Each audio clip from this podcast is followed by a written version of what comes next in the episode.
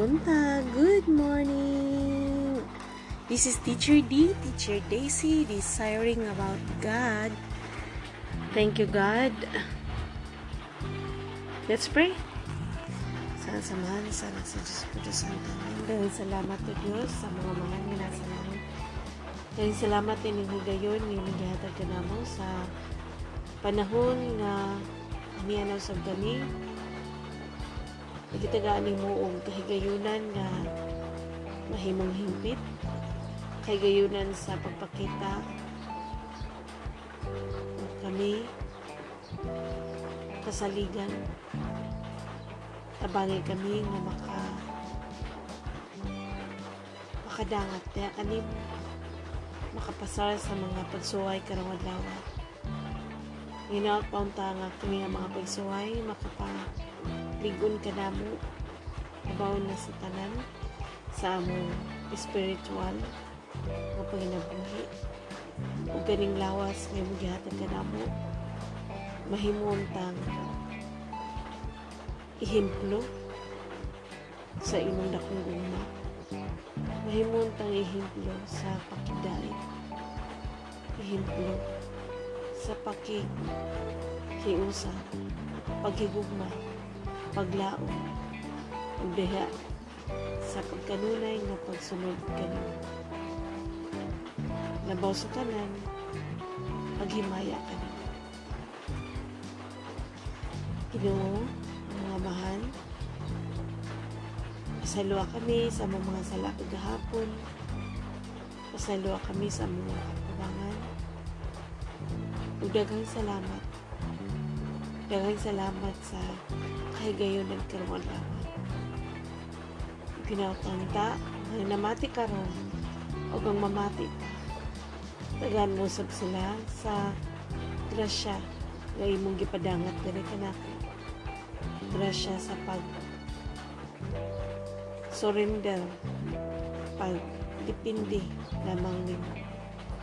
Ug karong adlaw usa ka grasya. Kining tanan among pasalamatan ug giampo sa ngalan ni Hesus Kristo among Ginoo manluluwas inubanan sa Dios Espiritu Santo kauban sa mga pag-ampo sa mga kasantusan ug kaanghelisan lakip na usab ang mga pag-ampo sa mga tumutuo ni Hesus Kristo niya din sa kalibutan. Amen. Sa samahan sa anak sa Diyos Espiritu Santo. Amen. Ang mayong balita mahitungod kang Heso Kristo sumala sa Ebanghelyo ni San Juan Kapitulo 19 Versikulo 1 hangtod sa 42 ug ilaki po sab nato ang Kapitulo 18, versikulo 38 ngadto sa 40. Himayaon ikaw, o Ginoo. Si Jesus gihukman nga patyon. Unya mibalik pagula sa Pilato ug giingnan ang mga Hudiyo, wala ako'y kaplagang katarungan aron silutan siya. Apan sumala sa inyong nabatasan na bu buhian ko ang usa ka binilanggo nga inyong pangayoon sa panahon sa kasaulugan sa pagsaylo. Gusto ba kamo nga buhian ko ang hari sa mga Hudiyo? Sila misinggit. Ba? Dili siya. Si Barabas mo'y among gusto. Si Barabas usa ka tulisan.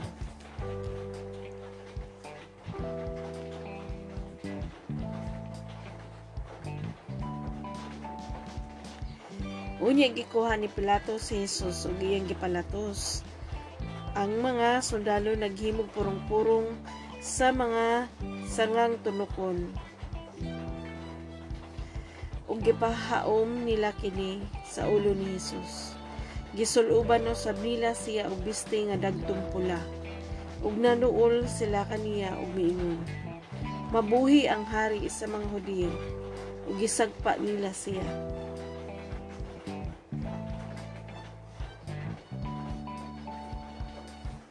Unya migula na usad si Pilato umingon sa mga tao karon dadon ko siya nga ni kaninyo aron mahibalo kamo nga wala ako'y makaplagang katarungan aron silutan siya.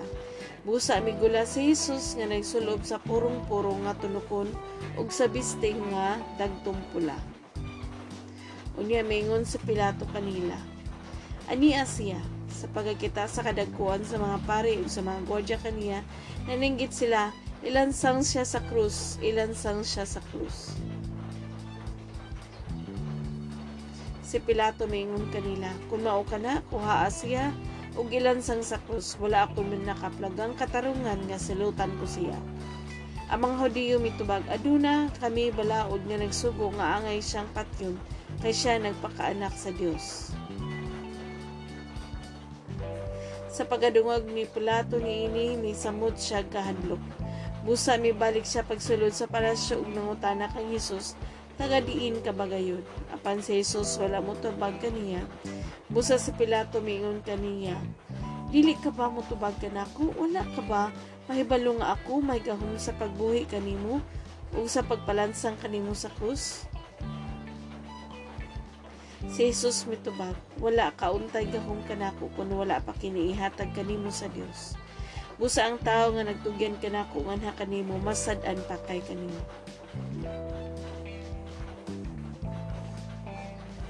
Sa pagadungog ni Pilato ni ini, naninguha siya sa pagbuhi kaniya apan ang mga Hudiyo naninggit.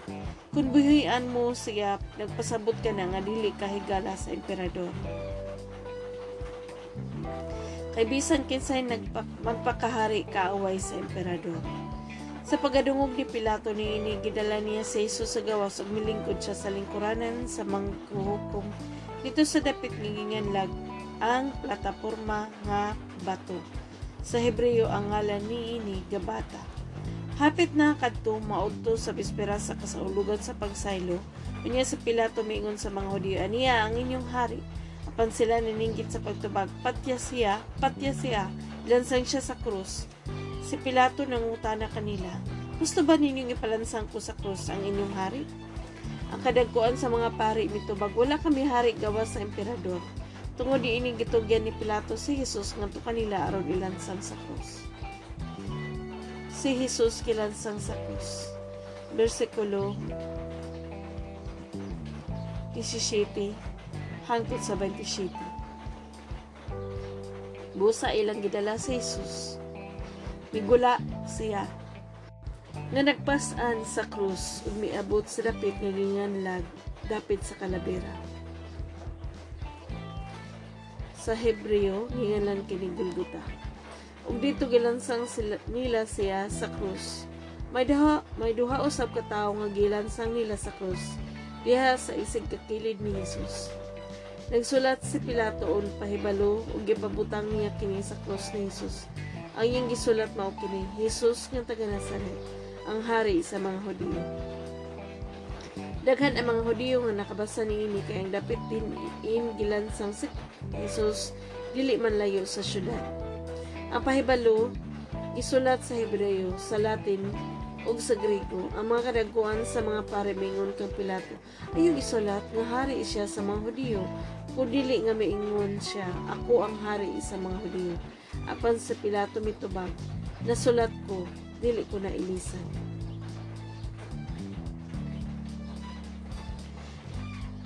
Tapos si Jesus ikalansang sa mga Hudiyo sa mga sundalo dito sa krus. Tapos si Jesus ikalansang sa mga sundalo dito sa krus. Gikuha nila ang iyang sapot ug gibahin-bahin sa upat o sa kabahin sa matag sundalo Ikuha usab nila ang biste nga taas nga walay tinahian. Ang mga sundalo naging nanay. Dili nato kini gision.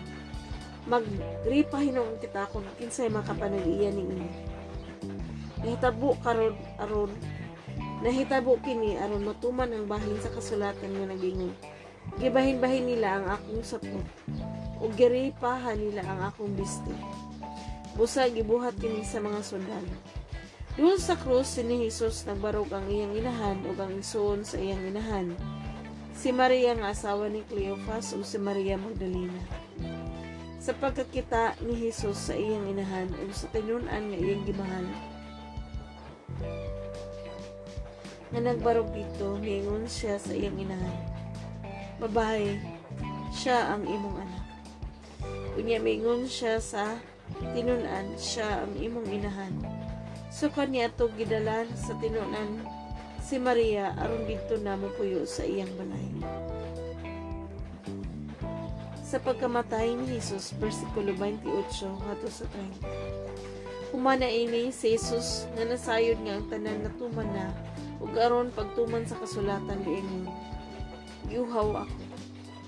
Dito may usa ka panaksan nga puno sa suka ug gitunlob gitunlob nila ang espongha sa suka ug gibutang sa usa ka sanga sa isuko giisa nila kini ngadto sa iyang baba. Human makatilaw si Jesus sa suka, mingon siya, natapos na. Unya miduko siya ug namatay.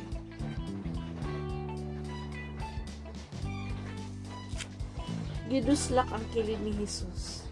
Versikulo 31 ngadto sa 37. Ang kadagkuan sa mga Hudiyo mihangyok ang Pilato nga balion nila ang mga bitiis sa mga tawo nga gilansang sa krus. Ug unya kuhaon sila. Gihimo nila kini kay adlaw man kadto sa pagpangandam. Ug dili sila buot nga magpabilin ang mga lawas dito sa krus sa adlaw papahulay. Kayong maabot nga adlaw papahulay balaan man kaayo.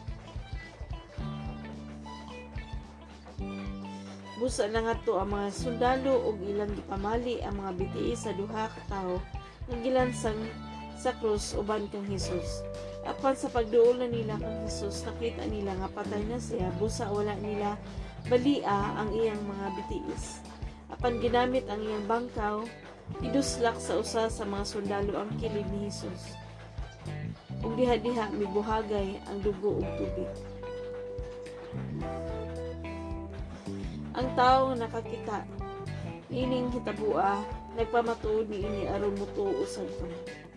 Tinuod og kasaligan ang iyang gisulti ug mahibalo siya nga nagsulti siya sa Ginoo gihimo kini aron matuman ang bahin sa kasulatan nga nagingon walay bukog niya nga baliw. Ug may lain pagayong bahin sa kasulatan nga nagingon ang mga tao mutan-aw kaniya nga ilang gidusla gilubong si Jesus. Versikulo 38 hato sa 42. Kumani ini si Jose nga taga Arimatea mihangyok ang Pilato nga kuhaon niya ang lawas ni Jesus. Si Jose usa ka sumusunod ni Jesus apan sa tago lamang. Kay nahadlok man siya sa mga kadagkuan sa mga Hudiyo. Gitugutan siya ni Pilato busa miadto si Jose ug gikuha niya ang lawas ni Jesus ug si Nicodemo ang nakikita kang Hesus usa ni anak kagabi mikuyog kaniya dala ang sinagol nga herba nga mera og sabila nga ang kadaghanan mukabat og mga 50 ka kilo. Unya gikuha nila duha ang lawas ni Hesus ug ilang giputos ug panakton nga lino uban sa mga herba kay mauman kini ang nabatasan sa mga Hudiyo sa pag-andam sa minatay alang sa paglubong. May usa ka tanaman dito sa dapit diin gilansang si Jesus ug sa maong tanaman may usa ka lubnganan nga wala pa gayud kalubngi. Ug kay adlaw man kato sa pagpangandam ug duol man ang lubnganan ilang gipahimutang ang patayng lawas ni Jesus.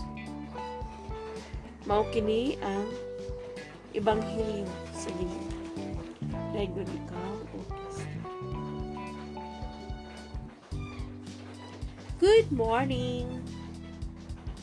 Usa ka subo nga basahon ang atong nabasa karon.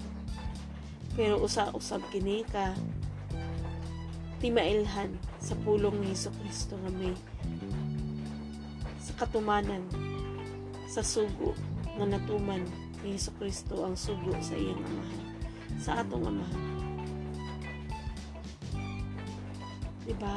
Subo kitaon pero usa kini ka paniginan sa kadaugan. Madaugon ng Diyos.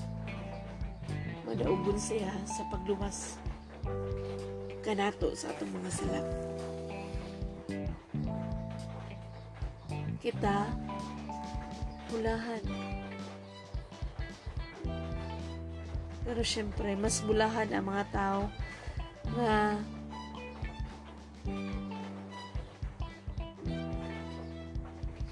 pagsunod ni Hesus Kristo ug nakatuman sa iyang mga sugo. Pareho ni Maria nga nakatuman sa sugo sa Dios.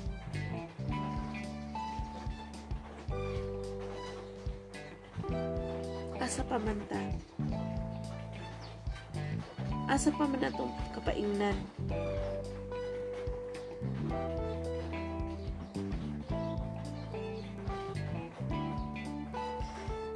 So, kung sama ni San Juan, ang isa sa mga apostoles, sa tino, ingon pa sa mga ah, mga nag-study, una nato, mga itawag ni sila og theologian, or ang mga nagbasa sa Biblia, na ang history ni Ani, based on their study, kaning Ebanghelyo ni San Juan, mao kini ang kaagi ni Juan nga ang tinun-an nga gimahal ni Hesus Kristo. Mao kini ang tinun-an nga paborito ni Hesus Kristo. Gitugunan siya nga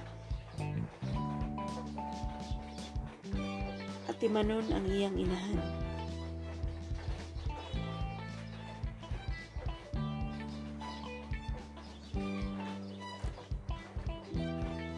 Kung kita usa sa mga tinunan ni Hesus Kristo, og isip pareho sa mga tanan mga tinunan. I think it is the best way para sa atong hunahuna ug sa atong kasing-kasing nga isipon nato ang inahan sa Dios nga atong inahan.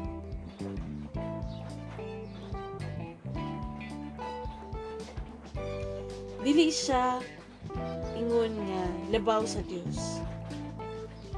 Kundi usa siya nga papuyo nato siya sa atong mga balay ang asa man kini nga balay ani sa atong balay physically or sa templo dinhi sa atong kasing-kasing.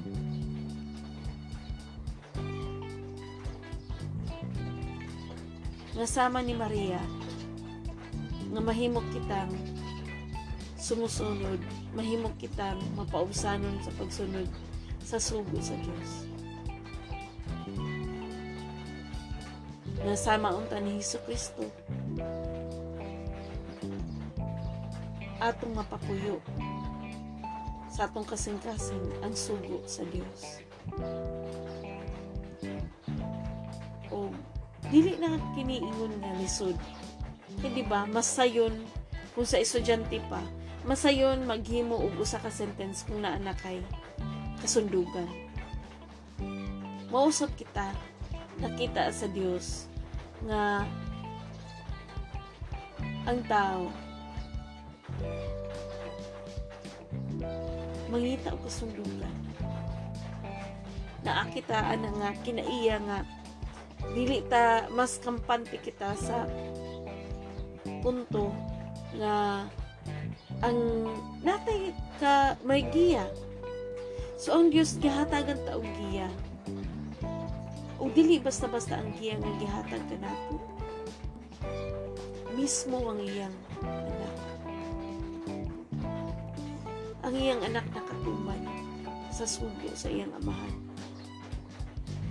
o ginaot pa kita usap makatuman niya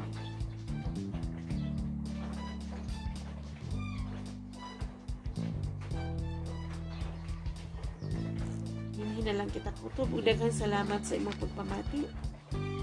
Ginaot pa unta nga usa ta mahuman sa atong basahon sa San Juan. Na lang kay duha ka basahon. So makaaghat na ikaw sa pagpamati. Pag nga napay uban makapati sa pag, mga pagbasa. So ayaw kita pag paguno Ayaw kita pag pakawa sa paglaom. Kasi, padayon. Padayon kita sa pagtuon. Padayon kita sa paglig pagligon, pag, pa, pagligdong sa kinabuhi. Padayon kita sa pagkamaayo. Padayon kita sa pagsalig sa Diyos. Pag-apo kita. Sa ngalan sa bahan, sa anak sa Diyos Puto Santo. Amen. Dalaygon nga Diyos. Daghang salamat sa ining kahigayunan nga imong gihatag kanamo karon. Daghang salamat sa ining mensahe nga imong gihatag kanamo nga si Hesus Kristo nakatuman.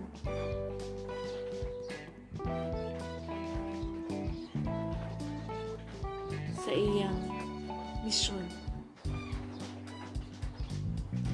Nga hinaabot ta kami makatuman sa misyon ng gibili ni Hesus Kristo kanamo. Nga hinaabot ta usa kami sa mga tao nga magdaig kanimo. Nga gipakatawo kami aron daygon ka. Ipakatawo kami para himayaon ka. Ipagkataw kami para mas mailhan ang imong gingharian. Mas mailhan kung kinsa ka. Kung unsa ka kamaayo. Kung unsa ka kamaluluyo.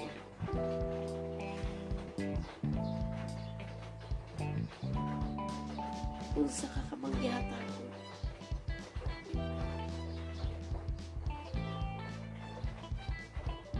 Amahan namo nga nasa langit balaanon ng imong anak. Maghari ka kanamo ug tumano ng imong pagbuhay kini sa yuta sa mga gituman kini dito sa langit ihatag ka namo ang pagkaon nga among kinahanglan karong adlaw pasaylo kami sa among mga sala. Sa mga kami nagpasaylo sa mga nakasala kanamo ayaw kami itugyan sa pagsulay. No sa hinon kami gikan sa dautan kay imo ang gingharian, ang gahumog ang himaya, hangtod sa kahangturan. Amen. Maghimaya ka, Maria. Napuno ko sa grasya ang ginoong Diyos, manaa ka na. Bulahan ikaw sa mga babae tanan, bulahan mo sa mga sa tiyan ng sa Jesus. Santa Maria, inan ka sa Diyos, siga po mo kami mga makasasana. Karunong sa oras sa among ikamatayan. Himaya sa mahan sa anak sa Diyos Espiritu Santo. Mayon sa sinundan ko sa gihapon sa mga katuigan ng ulay katapusan ng panahon. Amen. Samahan samahan sa anak sa Diyos Kristo. Thank you. Thank you sa pagpamati. And let us not forget to desire about God. God bless. Bye.